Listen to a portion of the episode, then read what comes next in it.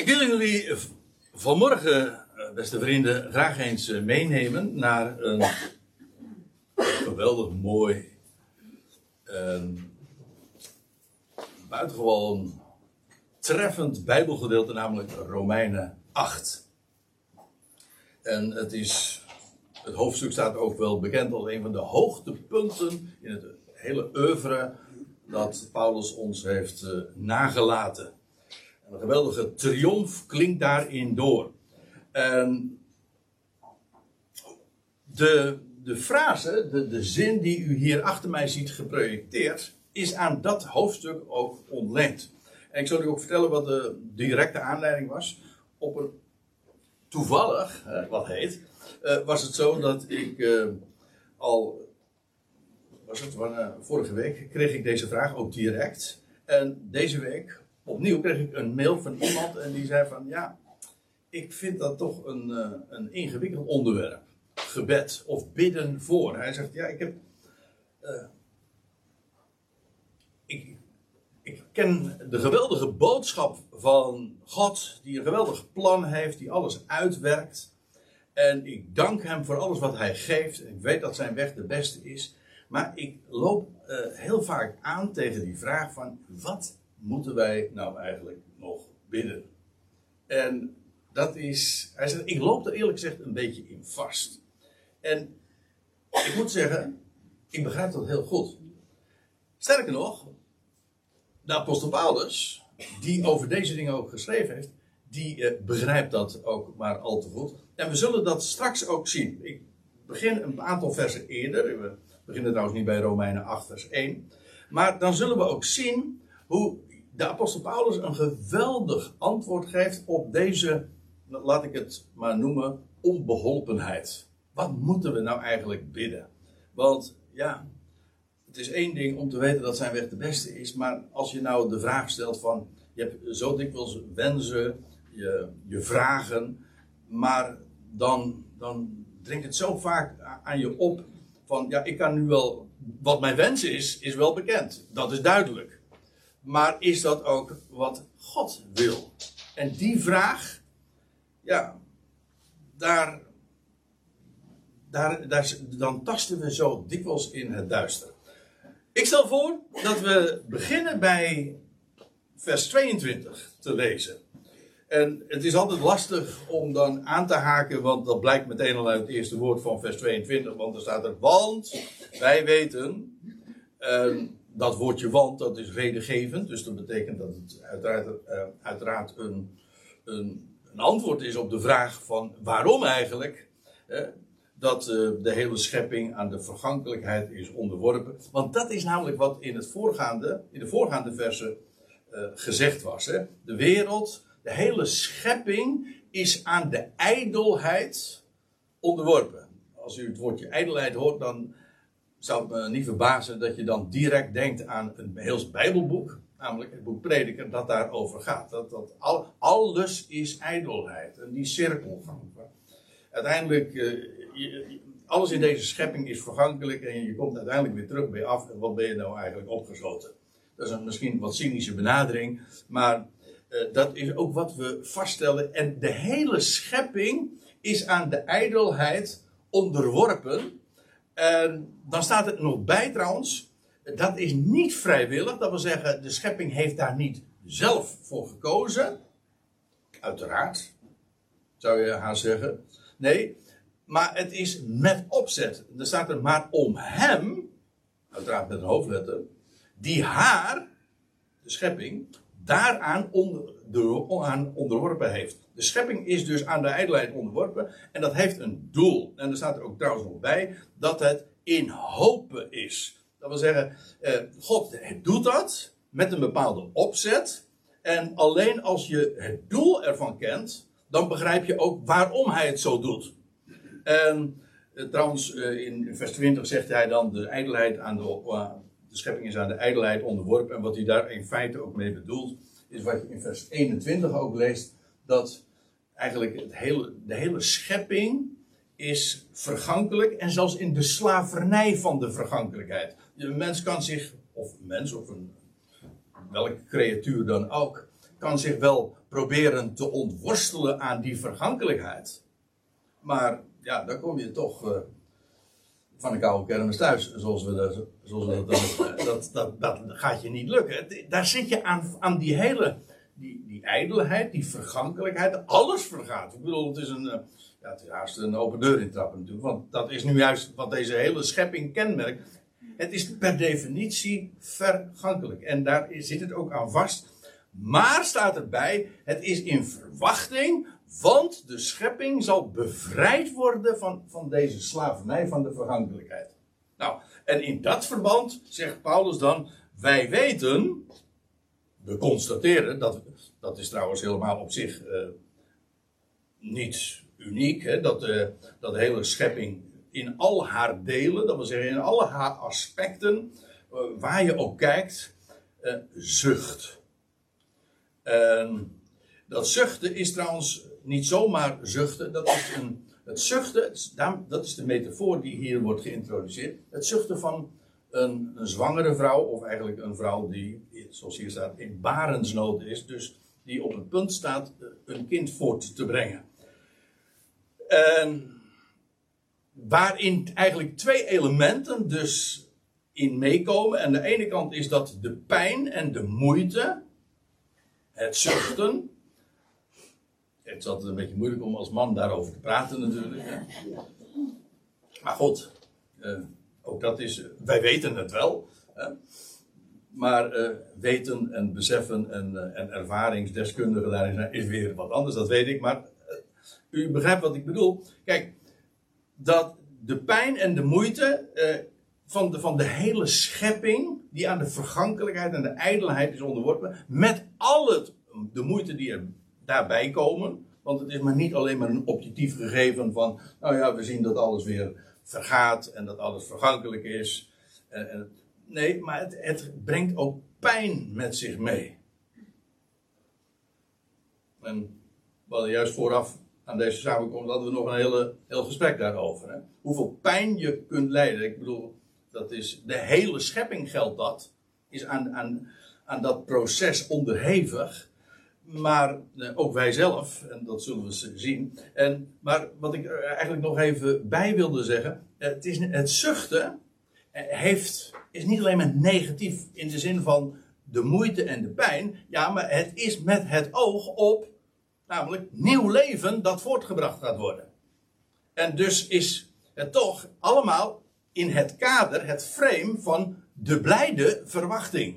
En dat is ook, als je die verwachting hebt, dat is ook precies ja, de, de, dat wat motiveert en kracht geeft om die dingen ook te ondergaan.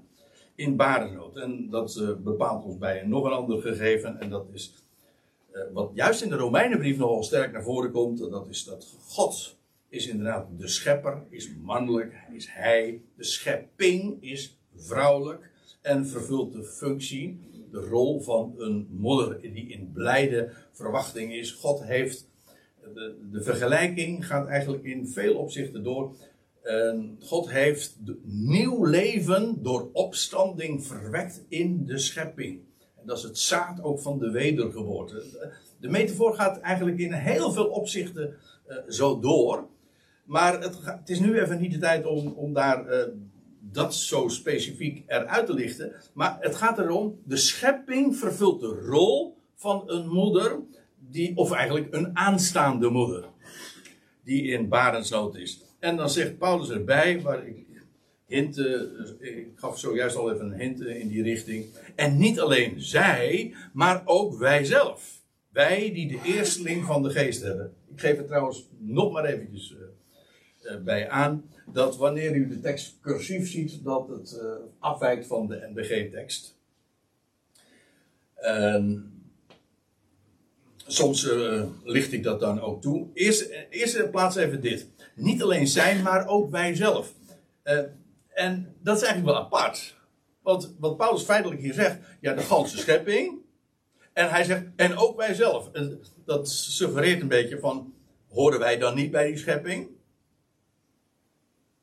En het antwoord daarop is, ja, in zekere zin wel. Dus uh, ja en nee, dus feitelijk. En het punt is namelijk dat gelovigen zij die de eersteling van de geest hebben, ik kom er straks nog even op terug, dat is een categorie apart. Zij horen in zekere zin bij deze schepping. Ja, dat is in feite ook de meest vanzelfsprekende kant van de zaak. Want ja, wij zijn niet anders dan onze buurman en onze collega's. Ik bedoel, we zijn net zo, wij maken net zo deel uit uh, voor het oog en in de beleving als, uh, als ieder ander van deze schepping. En dat is, dat wil zeggen, naar het lichaam. Het maakt er geen enkel verschil of je een gelovige bent of een ongelovige.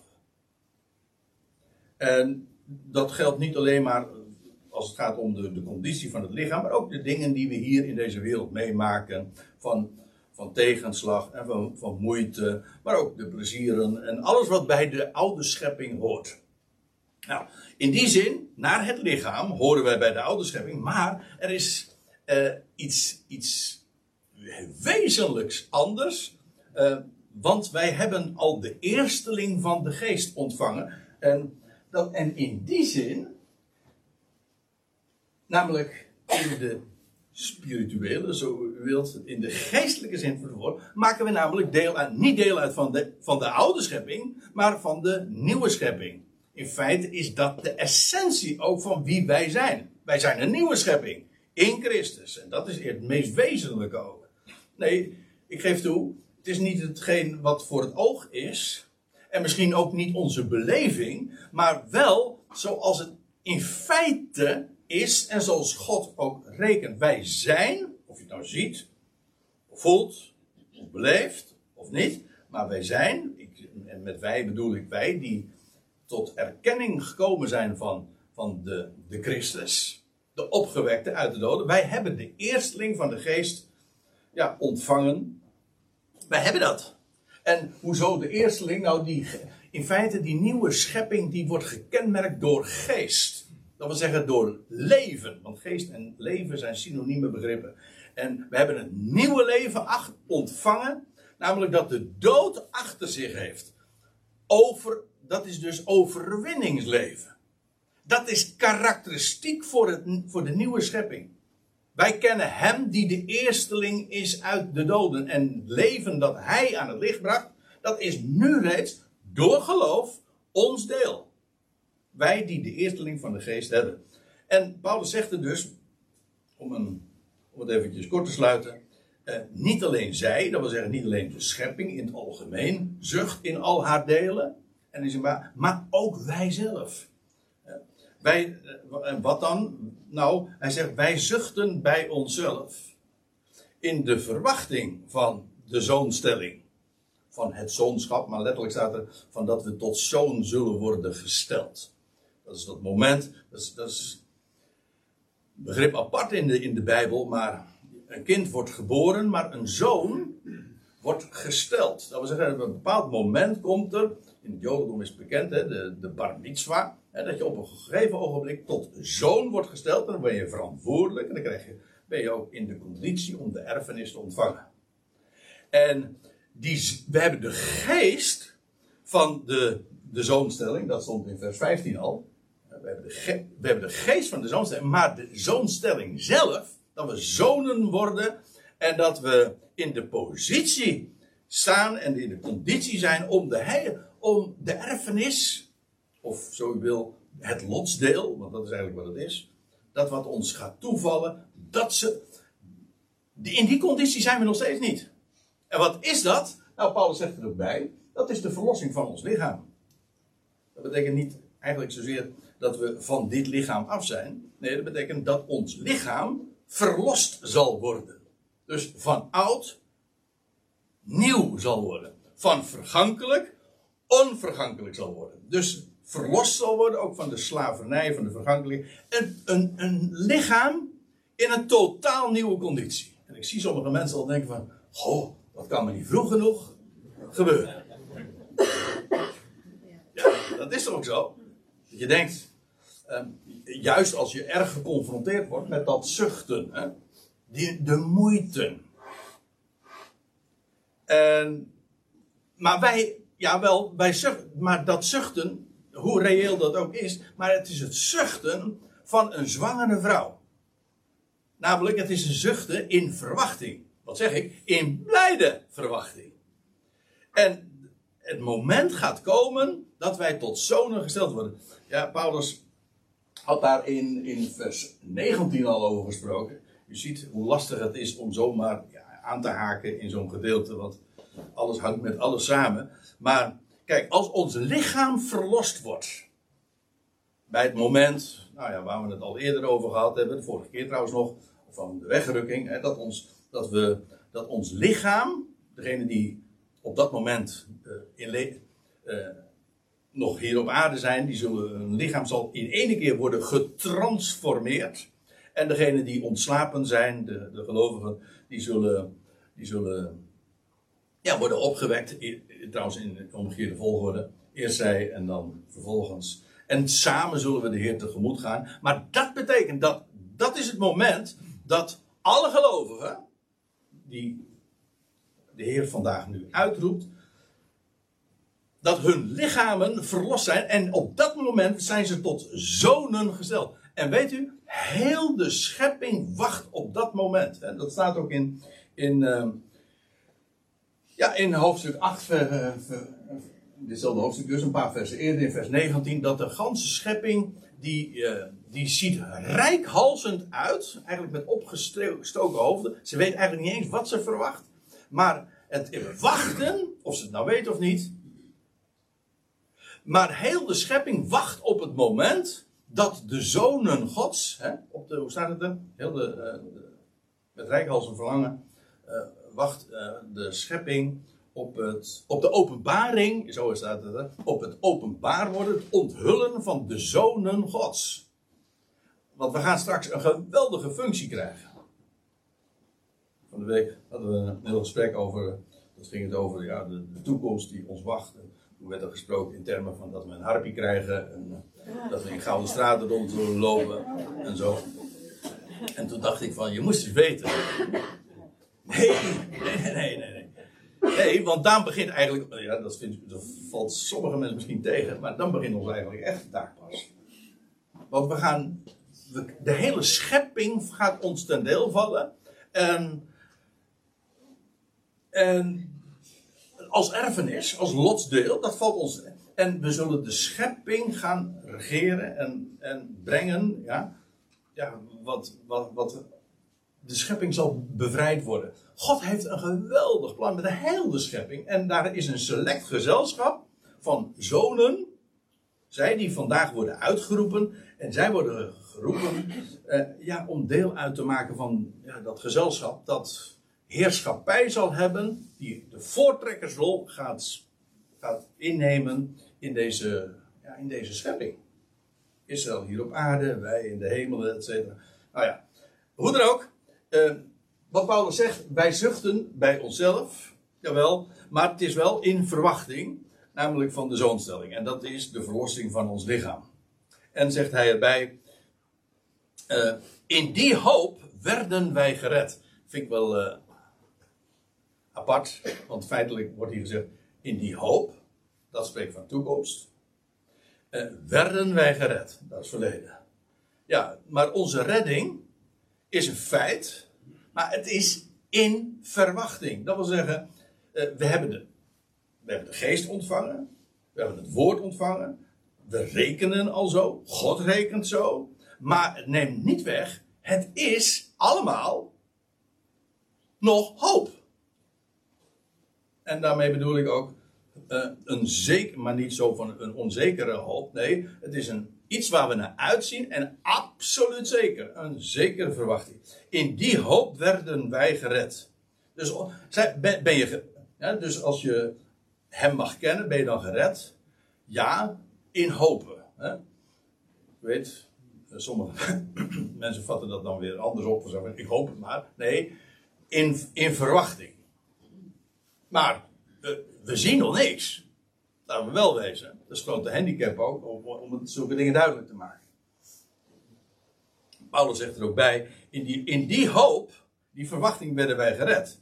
Ja, om eventjes uh, bij, uh, de, bij de metafoor van die, van die zwangerschap te blijven. Ja, uh, ook dat is dat is zucht en moeite enzovoort. Jawel, maar het nieuwe leven is nog steeds verborgen.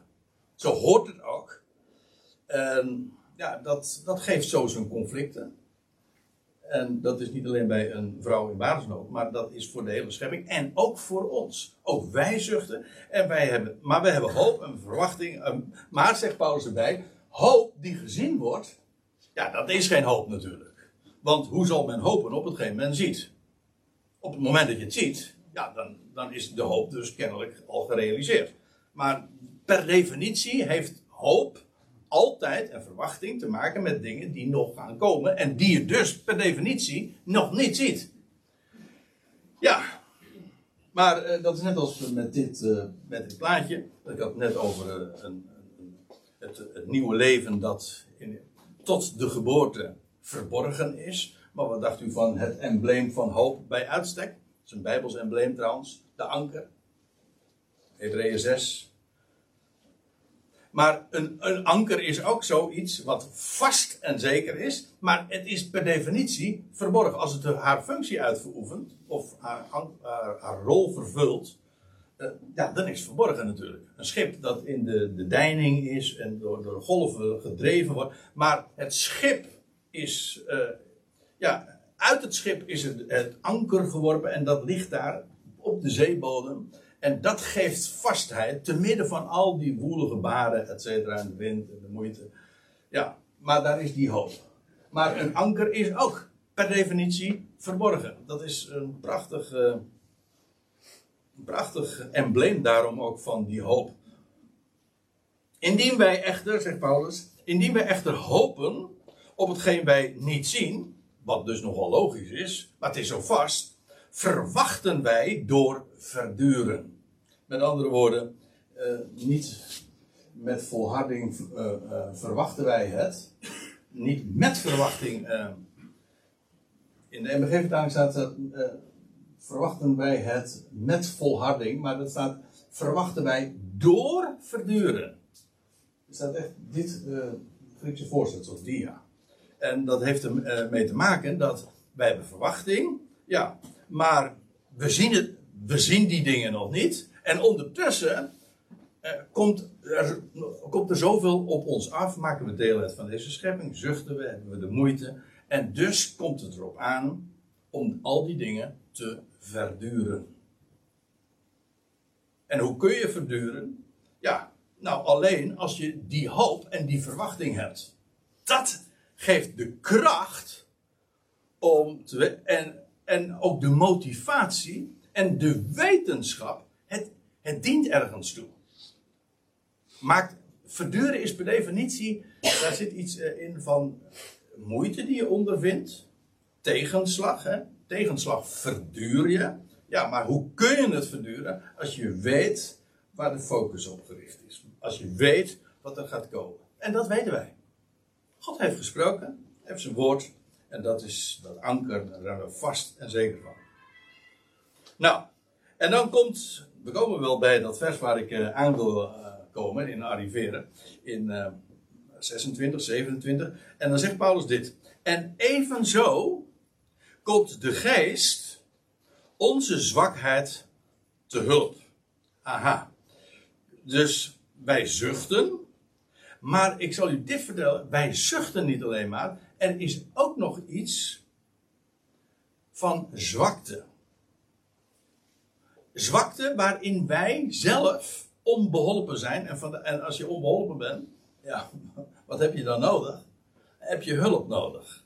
Nou, daar staat hier: de geest komt onze zwakheid te hulp. En de vraag is dan: hoezo zwak? Kijk, die, die, dat zuchten, daar hadden we het al over. Dat, is, dat zijn de moeiten die eigen zijn aan deze hele oude schepping. Maar wij hebben nog een zwakheid.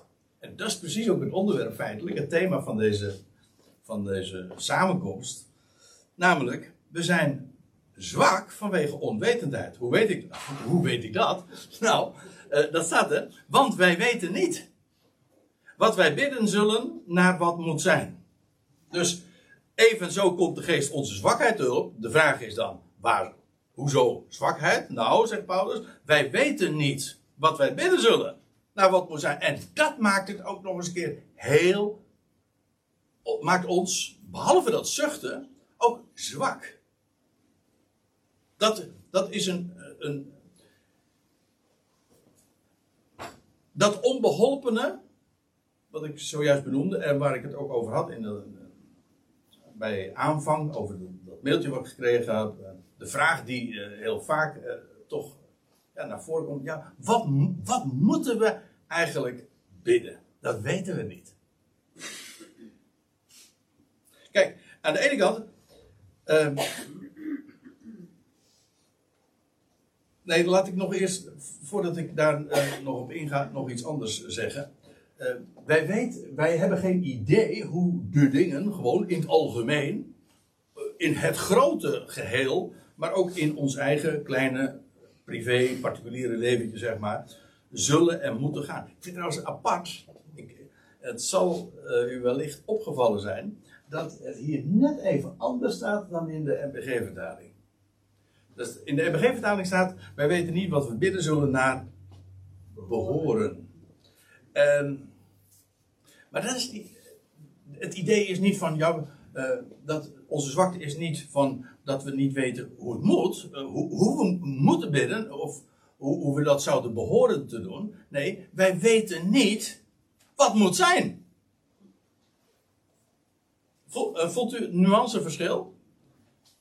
Het gaat er niet om dat wij ons onbehoorlijk voelen als we bidden. Nee, het, het punt is, we zijn zwak in ons gebed. We, eigenlijk weten we eigenlijk, hoe kun je daar woorden aan geven? Ik, ik moet zeggen, en ik weet zeker dat ik uh, als, als jullie uh, de vrijmoedigheid zouden hebben om mij bij, mij bij te vallen, dat ik heel veel bijval zou krijgen. Het is zo moeilijk vaak om te bidden. Als het gaat over de dingen die moeten zijn. Kijk, wij hebben onze, onze wensen. Dat, die zijn vaak niet moeilijk. Hè? In, in de omstandigheden waarin je verkeert. In verband met je ja, met relaties, of met, je, met de kinderen, of met je werk, of met gezondheid. Nou, noem maar op. En nou heb ik het alleen nog maar over, zeg maar, het, dat microbestaan. Maar ook het grotere geheel. Het ging ja, in die mail trouwens, waar ik het uh, aan het begin over had, uh, ook over, ja, gewoon het wereldgebeuren. Iemand, zeg maar, ja, mijn, mijn dochter die, die zit in Israël en, en die dient daar, moet daar in het leger dienen. Wat moet je dan bidden? En kijk, nogmaals, onze wensen zijn dikwijls wel, die zijn we onszelf wel bekend. En weet u wat ik nou erg mooi vind? Paulus zegt ook in, uh, in, in Filippenzen 4, waar ik hier ook naar verwijs, dat uh, in alles we onze wensen bij hem bekend mogen maken. Niet in de zin van dat hij niet daarvan op de hoogte is, niet om hem te informeren, maar gewoon om onze hart te luchten en al je wensen. Er staat, er staat geen enkele beperking, maar al je wensen bekend. Wat je ook wenst, maak het gewoon bij hem bekend. En er staat er nog bij, met dankzegging. Niet omdat God per definitie onze wensen vervult, maar omdat hij, zijn weg altijd de beste is. Maar dan, dan passeer je eigenlijk een andere vraag en dat is, wat moet je nou bidden? Als het gaat om uh, die omstandigheden naar wat moet zijn. Dat weten we niet. Dat weten we echt niet. En dat maakt het heel erg uh, ja, moeizaam. Dat is, dat is aan ons verborgen en dat maakt ook dat we, uh, dat we ons zo onbeholpen voelen als het gaat om bidden. Ja, en dan is de vraag van, ja, waarom, waarom zou je eigenlijk nog bidden? Dat vindt u misschien een beetje vreemd. Nou, rust in je hart.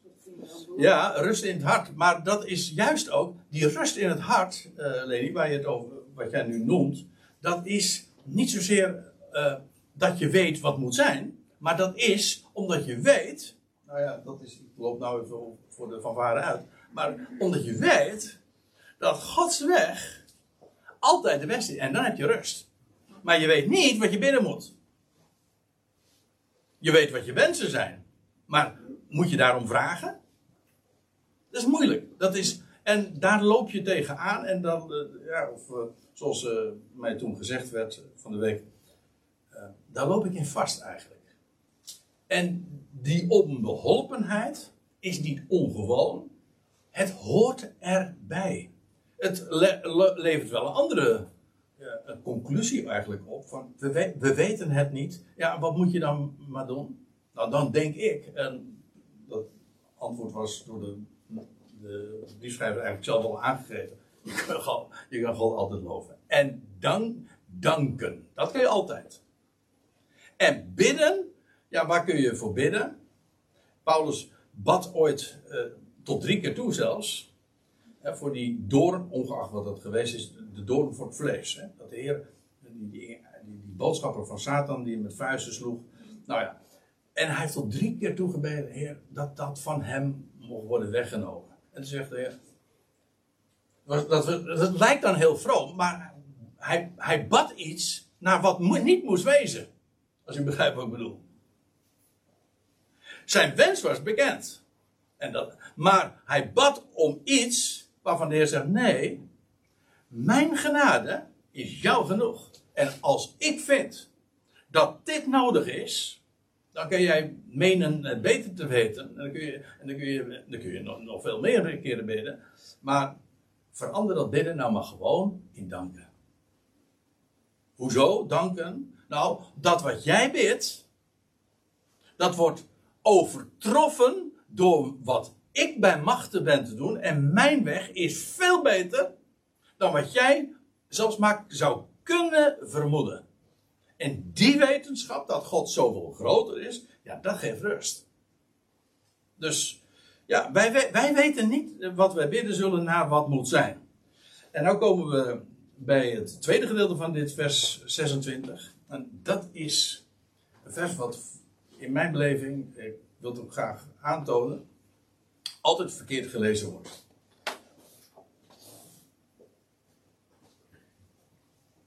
Daar staat, maar de geest zelf, laat, ik het eerst even lezen, zoals de, eh, en de MBG, er staat eigenlijk alle vertalingen geven het zo weer. Maar de geest zelf pleit voor ons met onuitsprekelijke verzuchtingen. En ik heb dat altijd zo vreemd gevonden. De geest zelf pleit voor ons met onuitsprekelijke verzuchtingen. Heeft die geest dan ook die verzuchtingen? En hoezo onuitsprekelijk? Weet u, dat, eh, ik wil het nou niet al te technisch maken, maar ik heb hierin, en het tussen haakjes, tussen vierkante haakjes, hè, want stikgenomen staat dat er niet. Er staat, eh, er staat een naamval, maar dat, in de MBG-vertaling geeft dat, zoals de meeste vertalingen geven dat weer met de geest zelf pleit voor ons met onuitsprekelijke verzuchtingen. En dan is het idee dat de geest zelf verzucht en wel op, op een onuitsprekelijke wijze.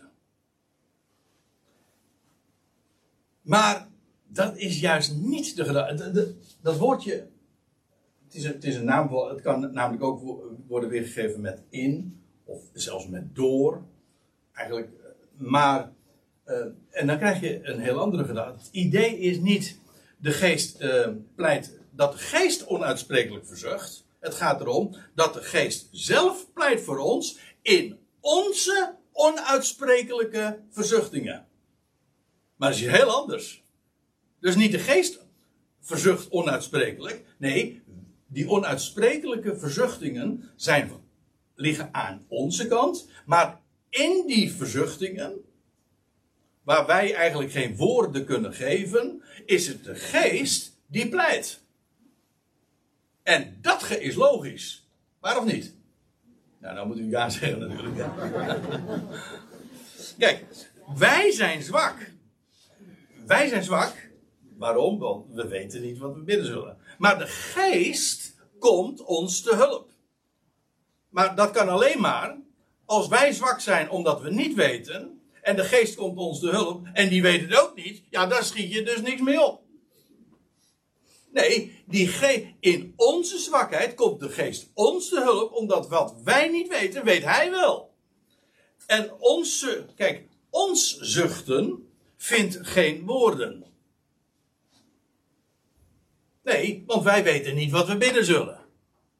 Maar de geest zelf, die is die ook, die verzucht die onuitsprekelijk? Nee, godzijdank niet. Die spreekt. Die pleit. En pleiten wil toch echt zeggen, en ik, ik heb het niet over dat het kwijt is, maar dat, dat de geest pleit, betekent dat hij spreekt. zoals een advocaat pleit. Die voert een betoog, of eh, die, over, die spreekt overtuigen. Dat is pleiten. En dat is wat die geest doet. En die in onze onbeholpenheid en in ons zuchten, waarin wij geen woorden vinden, is het de geest die spreekt en ons overtuigt. En ons te hulp komt om in dat wat wij niet kunnen en niet weten, bij te staan. Zie je dat je dan een, een heel andere betekenis krijgt. Dan, dan begrijp je ook waarom de, geest, waarom de geest inderdaad ons daadwerkelijk in onze zwakheid te hulp komt. Dus niet omdat de geest niet uh, uit zou spreken. Die spreekt juist wel uit. Die pleit namelijk. In feite, het, het loutere feit dat de geest pleit, geeft al aan dat die, dat onuitsprekelijke niet van de kant van de geest uh, vandaan komt. En wij verzuchten, en de geest is het daarentegen die ons daarin eh, te hulp komt. Ik lees verder. En hij, die, die de harten doorzoekt, God zelf natuurlijk, weet de gezindheid van de geest. Dat deze namelijk in overeenstemming met God voor heiligen pleit. Dat is een typisch Paulus zin. Maar laat ik eerst eventjes uh, nog uh, iets, iets duidelijk maken. Als, als hier staat de gezindheid van de geest. Dat uh, slaat terug op wat Paulus eerder in dit hoofdstuk had gezegd, in vers 6. Namelijk de gezindheid van de geest, exact dezelfde terminologie die dan gebruikt wordt. De gezindheid van de geest, waardoor wordt die gekenmerkt? Door leven en door vrede. Rust dus, hè? Ja. De, de geest, en dan kun je denken aan de geest die God, uh, de geest waarmee Christus ooit uit de doden werd opgewekt. Dat, is, dat trouwens ook Romeinen 8, vers 9 en 10. Kijk het maar eens na, want ik, uh, ik geef niet iedere keer uh, de tekstverwijzingen erbij. Maar het is allemaal de, de, hele lopende betoog. De geest die ooit, de geest die Christus uit de doden opwekt. Wel, die geest hebben wij ontvangen. En wordt, die wordt gekenmerkt door leven. Geest is leven. Namelijk leven dat sterker is dan de dood. En de dood ook achter zich heeft, maar ook vrede. Daarom, uiteraard. Want dat is, ja, dat is de, de geest van de, van de nieuwe schepping, die onvergankelijk is. Wel, het, het heeft dus eigenlijk allemaal te maken met dat wat God spreekt. En ja, die, eh, dat, eh, dat spreken van God, dat, dat is pleiten van de geest. Het is trouwens niet, wordt ook wel zo opgevat, van dat de geest bidt. Nee, de geest pleit. Dat wil zeggen, de geest spreekt. Hoe? Nou, gewoon door het woord. En dat komt ons te hulp. En dat pleit inderdaad. Dat geeft dat over. Dat pleit niet. Want zo wordt dan ook dan. Als je eenmaal op de foute toer zit, dan begrijp je eigenlijk helemaal niet meer. Want dan denken ze van ja, God. Hij pleit, de geest pleit bij God. Alsof het een advocaat is die God moet overtuigen. Nee, het gaat er niet om dat God overtuigd moet worden. Wij het gaat erom, wij zouden het over, de overtuigende kracht van het woord ervaren. Het overtuigt ons. En daarom is dat pleiten van de geest niks anders dan het spreken van de woorden Gods. En dat komt ons te hulp. En daardoor leren wij ook zien wie we zijn en hoe, hoe, de, hoe de vork aan de steel zit. En dat geeft ons die, die zekerheid en dat leven en, dat, en en vrede. Ja, de gezindheid van de geest. En die pleit voor heiligen. Dat wil zeggen, het pleit voor ons, het overtuigt ons. Wij weten nu, hoe weten wij nu? Ja, wij weten niet wat we bidden zullen. Naar wat moet zijn, dat weten we niet. Daarom tasten we in het duister. Dat, Dat is die onbeholpenheid. Nee, maar wij weten wel iets anders. Hoe, en hoe komt het dat wij, wij weten? Dat komt omdat God gesproken heeft. Daardoor, dat is niet dus op basis van, van gevoel. Wij voelen niet. Het is ook niet onze ervaring. Het zijn ook niet andere mensen die ons dat, eh, de, dat wijs maken of op de mouw spelden. Nee, het is het spreken van God zelf. Zijn woord. Daardoor ja, hebben wij vastheid, zoals een anker dat geeft. En hebben wij vastheid, zoals een rots dat geeft. Ja, daar kun je op staan en daar kun je op bouwen. Wij weten. Niet vanwege gevoel, maar eigenlijk ondanks ons gevoel. Zelfs juist terwijl al onze zintuigen andere dingen, zeg maar, ons toeroepen. Hè, en uh, hoe, dat is trouwens ook uh, het einde van uh, Romeinen 8. We zullen straks, straks ook over zingen. Van moeite en, en, en tegenslag. En wat is, wat, hoe staat het? Vijandschap. En, en overheden en machten en honger en benauwdheid. Al die omstandigheden. Nou, die eigenlijk, die zeggen, die roepen ons, dat zijn allemaal van die, ik hou, ik hou van die metaforen, dat weet u wellicht. Uh, dat zijn allemaal van die minnen. Die, dat, ja, maar wij weten dat het geen minnen zijn. Waarom? Omdat God ze om gaat vormen tot plussen. Het, het zijn plussen, wij zien minnen, maar het zijn plussen die nog niet af zijn. En dat kan je alleen maar zeggen als je hoop en verwachting hebt. En dan reken je dus op voorhand al met wat we straks zullen zien.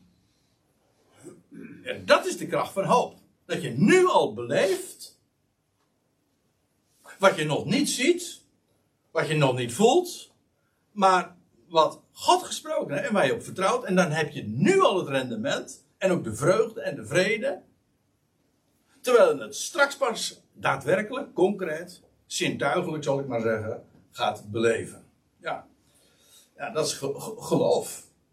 Dat is vertrouwen. Maar het is ook hoop, namelijk verwachting. Wij weten nu, ja, dus dit staat tegenover wat wij niet weten, namelijk wat we zullen bidden, dat God alle dingen doet medewerken ten goede. U kent uh, deze zin. Ja, maar uh, zijn wij ons werkelijk ervan bewust van de enorme power van deze wetenschap. Wij weten dat God alle dingen doet medewerken ten goede. En kijk, als je met dat bidden, dan weten we niet wat we, naar wat moet zijn. Ja, maar er is daar een geest die onze, in onze zwakheid te hulp komt. En, en die weet wel, die spreekt. En, die, en wat die spreekt is, God doet alles, al die omstandigheden waarin wij verkeren en die wij dikwijls als minnen ervaren. En juist dat geeft als zuchten natuurlijk ook. Ja, maar hij doet al die minnen meewerken. Ten goede. Dus we, ervaren en we beleven, we zien, we voelen kwaad, moeite, verdriet, tegenslag, minnen. Ja, maar het is God die ons verzekert, alles keert Hij om ten goede. Ja, voor hen die God liefhebben. En dat is geen beperking. In het algemeen doet God dat. Maar zij die God liefhebben, die weten dit. Daarom heb je God ook lief, hè? Je hebt God lief, waarom? Omdat je weet. Ja, hij maakt alles goed. Hij maakt alles wel. Dat vertrouwen heb ik, dat is geloof. Die hoop heb ik, hij heeft het verzekerd. Ja. Wij weten nu dat God alle dingen doet eh, medewerken ten goede voor hen die God lief hebben, die volgens zijn voornemen geroepenen zijn. Prachtige, prachtige zin natuurlijk. Ja. Als je God mag liefhebben en, en, je, en je kent zijn woord, en dan ben je geroepene. Kijk, een geroepene, eh, dat is, ik denk dat dikwijls ook uh, misverstaan wordt. Mensen denken van ja, God doet nu eh, zijn woord uitgaan en iedereen die het hoort, dat is een geroepene. Nee, niet iedereen die het hoort is geroepene. Ieder die wordt aangesproken in het hart. Dat is een geroepene. En God heeft, kijk, God heeft een plan, een voornemen, hè? zijn voornemen. En in zijn voornemen is heel de schepping, all inclusive, betrokken. De ganse schepping zucht, maar in hopen. Dat is uh, een paar versen eerder. Dus de ganse schepping. Ja, maar er zijn in die schepping is er een gezelschap van zonen. Dat wordt uitgeroepen. Ecclesia betekent uitgeroepen. Ja, en dat zijn zij die in hun hart worden aangesproken. Er staat in, uh, in, in, uh, in de Korinthebrief, in 1 Korinthe 1, dat Paulus zegt: Wij prediken Christus, gekruisigd voor Joden. Uh, voor, voor, nee, ge, wij prediken Christus gekruisigd. Voor Joden een valstrik, voor natie een dwaasheid. Voor hen echter die geroepenen zijn, voor Joden zowel als voor Grieken, is hij de kracht Gods en de wijsheid Gods. Gero, geroepenen, dat zijn dus zij die overtuigd zijn en die zich weten aangesproken te zijn door hem. Dat zijn geroepenen. En dat is uh, een. Dat is een uh, ja, als je, als je een schepsel bent, dan ben je sowieso. Heb je, dan mag je verwachting hebben. Ja, maar die geroepenen is een hele categorie, want ik apart. Uh, ik lees even verder. Want die hij tevoren gekend heeft, die heeft hij ook tevoren bestemd. Tot gelijkvormigheid aan het beeld van zijn zoon. En nu komen we eigenlijk weer terug waar, we al eerder, waar ik al eerder op wees, namelijk dat God vandaag zich een gezelschap verzamelt van zonen, die allemaal de positie delen met Christus. Om gelijkvormig te zijn aan het beeld van zijn zoon. Daar is Christus, de zoon van God, en er is een gezelschap dat tevoren bestemd is. Hier staat hier ons woordje predestinatie. Predestination. Dus voorbestemming. Is hiervan afgeleid. Hè? Voorbestemming. God bestemt voor. Ik weet dat voor sommige mensen het begrip voorbestemming en uitverkiezing een, koude rillingen zeg maar de rug uh, opleveren.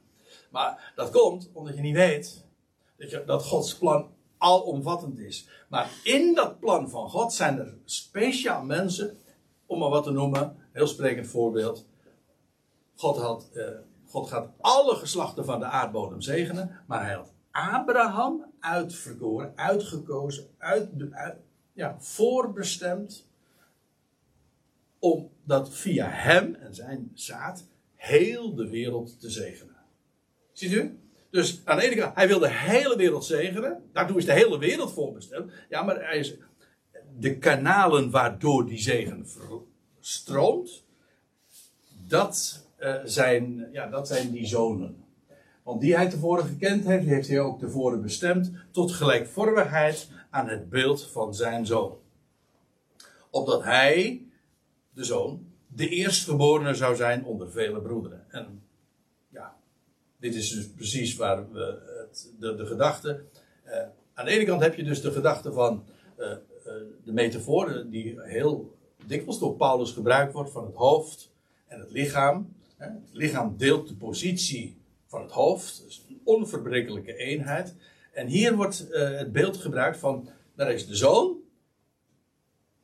En een heel gezelschap dat zijn positie deelt. Tot gelijkvormigheid aan het beeld van zijn zoon. En opdat hij, de zoon, de eerstgeboren zou zijn onder vele broederen. Dus het zijn allemaal zonen gods. Jawel, maar hij is onder hen de eerste. Zoals hij in het lichaam het hoofd is. Dus hoezeer wij ook zijn positie delen, hij is de, de eerste. De eerstgeborene, het hoofd. Of, uh, nou ja, welke beeld je daar ook voor zou willen gebruiken. Wij delen in zijn positie als zonen. En daar is en daar is God vandaag mee bezig om zo dat gezelschap te vormen. Om straks de hele schepping te gaan bevrijden. En er staat er nog bij in vers 30. Ja, dat is. Oh, daar zou je echt uh, met gemak een hele samenkomst alleen al aan dit ene vers kunnen wijden. Want zoals die. Ja, het wordt wel genoemd een gouden ketting. Omdat Omdat elke schakel hierin goud is. En daarmee bedoel ik, is goddelijk. Hier zit niets van een mens bij. Hij kende het ervoor. En ik moet er trouwens nog even iets bij zeggen. Eh, zonder dat nu ook weer al te precies uh, toe te lichten. Maar de, de, werkwoordsvorm die hier gebruikt wordt, is niet die van de voltooid tegenwoordige tijd. Hij, hij heeft bestemd hij heeft geroepen en hij Nee, het staat in een aorist. Dat wil zeggen, het is tijdloos. Het is, of in ieder geval, het geeft aan dat het ge geeft geen indicatie van uh, wanneer het gebeurt. Dus uh, die hij tevoren kent, die bestemt hij tevoren. En die hij tevoren bestemt, die roept hij ook. En die hij roept, die rechtvaardigt hij ook. Wat is de rol hier van een mens? Voordat ik er was, kende hij mij. Heeft hij mij tevoren, ik maak het maar even persoonlijk. Heeft, voordat ik er was, voor, eh, al ver daarvoor, hè, Paulus zegt zelfs, eh, voor de nederwerping der wereld, kende hij mij, heeft hij mij tevoren bestemd. Welk aandeel heb ik daarin dan? Ik was er nog niet eens. Het is niet zo dat ik er voor hem gekozen Nee, hij koos voor mij. Toen ik er nog lang niet was.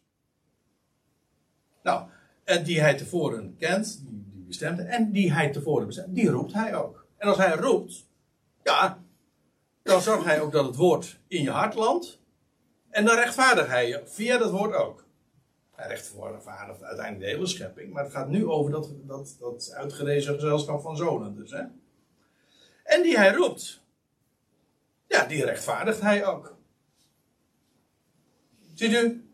Uh, er is maar één handelende persoon hier. En dat is hij. Dat is hij die tevoren kent. Hij die tevoren bestemt. Dat is hij die roept. En hij die rechtvaardigt. En, en die hij rechtvaardigt, die verheerlijkt hij ook. Trouwens, dit is wel, dit laatste onderdeel zie je echt ook dat dit uh, geen, uh, zoals het in de MBG-vertaling staat, die heeft hij ook verheerlijkt. Dat kan niet. Die verheerlijking is juist nog toekomstig. Dus hier blijkt ook inderdaad dat het een, een tijdloze werkwoordsvorm is. Het gaat er niet om wanneer het gebeurt, het gaat erom dat het gebeurt. Hij kent ons tevoren, hij bestemt ons tevoren, hij roept, uh, hij roept ons en hij rechtvaardigt en hij verheerlijkt. Ongeacht wanneer. Maar het gaat erom, hij doet dat en daar is niets van een mens bij. En vandaar ook dat ik zei, het is een gouden ketting. Al die schakels, dat is puur het werk van God. Geweldig toch? Ja. En Paulus zegt er dan nog bij. Uh, eigenlijk begint hier een, min of meer een nieuw gedeelte. Uh, wat we niet gaan bespreken, maar ik wil, ik, ik, ik, wil hem graag er nog even bij betrekken. Als je deze dingen nu gerealiseerd hebt. Nou, dan krijg je zo'n typische, ook zo'n typische Paulusvraag. Wat zullen wij nou van deze dingen zeggen? Als je, als je dit uh, je realiseert, je hebt dit op je in laten werken dan, dan stel je. Eh, nou, de eerste vraag die Paulus zo stelt, eigenlijk is die retorisch. Of eigenlijk, zo retorisch is wat. Dat wil zeggen, het antwoord zit al in de vraag besloten. Als God voor ons is. En u, weet, u ziet het hier, hè? Het is eigenlijk de God. Ik hou ervan om dat zo even te benadrukken, omdat we het maar niet zomaar over een God hebben. Er is maar één God en de God dat is degene die alles beschikt, die alles plaatst, die alles in zijn hand heeft, als de God nou voor ons is, dan moet u mij eens vertellen wat er überhaupt tegen ons, of tegen mij, ik kan het heel persoonlijk maken, maar gewoon ons als gelovigen, wie of wat uh, zal er dan tegen ons zijn? En Paulus gaat dan uh, natuurlijk in het vervolg dan weer vragen: honger, benauwdheid, ziekte, uh, noem maar op. Vijandschap, vervolging. Een hele lijst komt erop. Natuurlijk, dat, dat lijkt tegen ons. Maar het is niet zo. Want God doet dat namelijk allemaal meewerken ten goede. Dus als God nou voor mij is. Er is niets wat zo'n geweldige power in je leven eh, is en geeft. Wat zoveel kracht geeft, vreugde genereert. Als de wetenschap. Hij die de hele schepping bedacht heeft en gemaakt heeft. En daar een bestemming mee heeft. Alles heeft hij in zijn handen. En die God is voor mij. En dat betekent dus dat alles wat er is en waarvan hij zelf de schepper is, moet dus noodzakelijk meewerken in zijn plan. Dat kan niet anders. En daar, kijk, dat weten wij. En als je dat weet, ja, dan ga je danken, ga je hem prijzen. Dan weet, je weet echt niet, ik wou dan zeggen, je weet bij God niet, zo zeggen we dat dan, hè, wat je moet bidden. Ik weet het echt niet. Nee, maar ik weet wel dat hij alles doet meewerken ten goede. En daar kan ik hem elke dag voor danken en hem daarvoor prijzen dat hij zo groot is. Het enige waar ik nog voor kan bidden, laat ik dat dan nog verklappen, is dat ik dat ga beseffen. En dat is wat je Paulus ook al in zijn brieven ook altijd hoort doen en wat hij optekent. En dat we die epignosis, dat die bovenkennis, dat besef gaan krijgen, ons gaan realiseren hoe geweldig rijk we zijn. Het is één ding om het te weten, maar ook om het echt het rendement daar elke dag van te beleven. Ja, daar bid ik voor. Ik weet ook, dat is, dat is een dat, ik weet dat ik dat kan bidden. Want dat is namelijk ook een gebed naar zijn wil. Dat ik ga beseffen wat ik mag weten. En dat ik dus ga realiseren hoe gigantisch rijk ik ben. En weet u wat het mooie daarvan is? En daarmee wil ik eindigen. Dan heb je ook zoveel weg te geven aan een ander.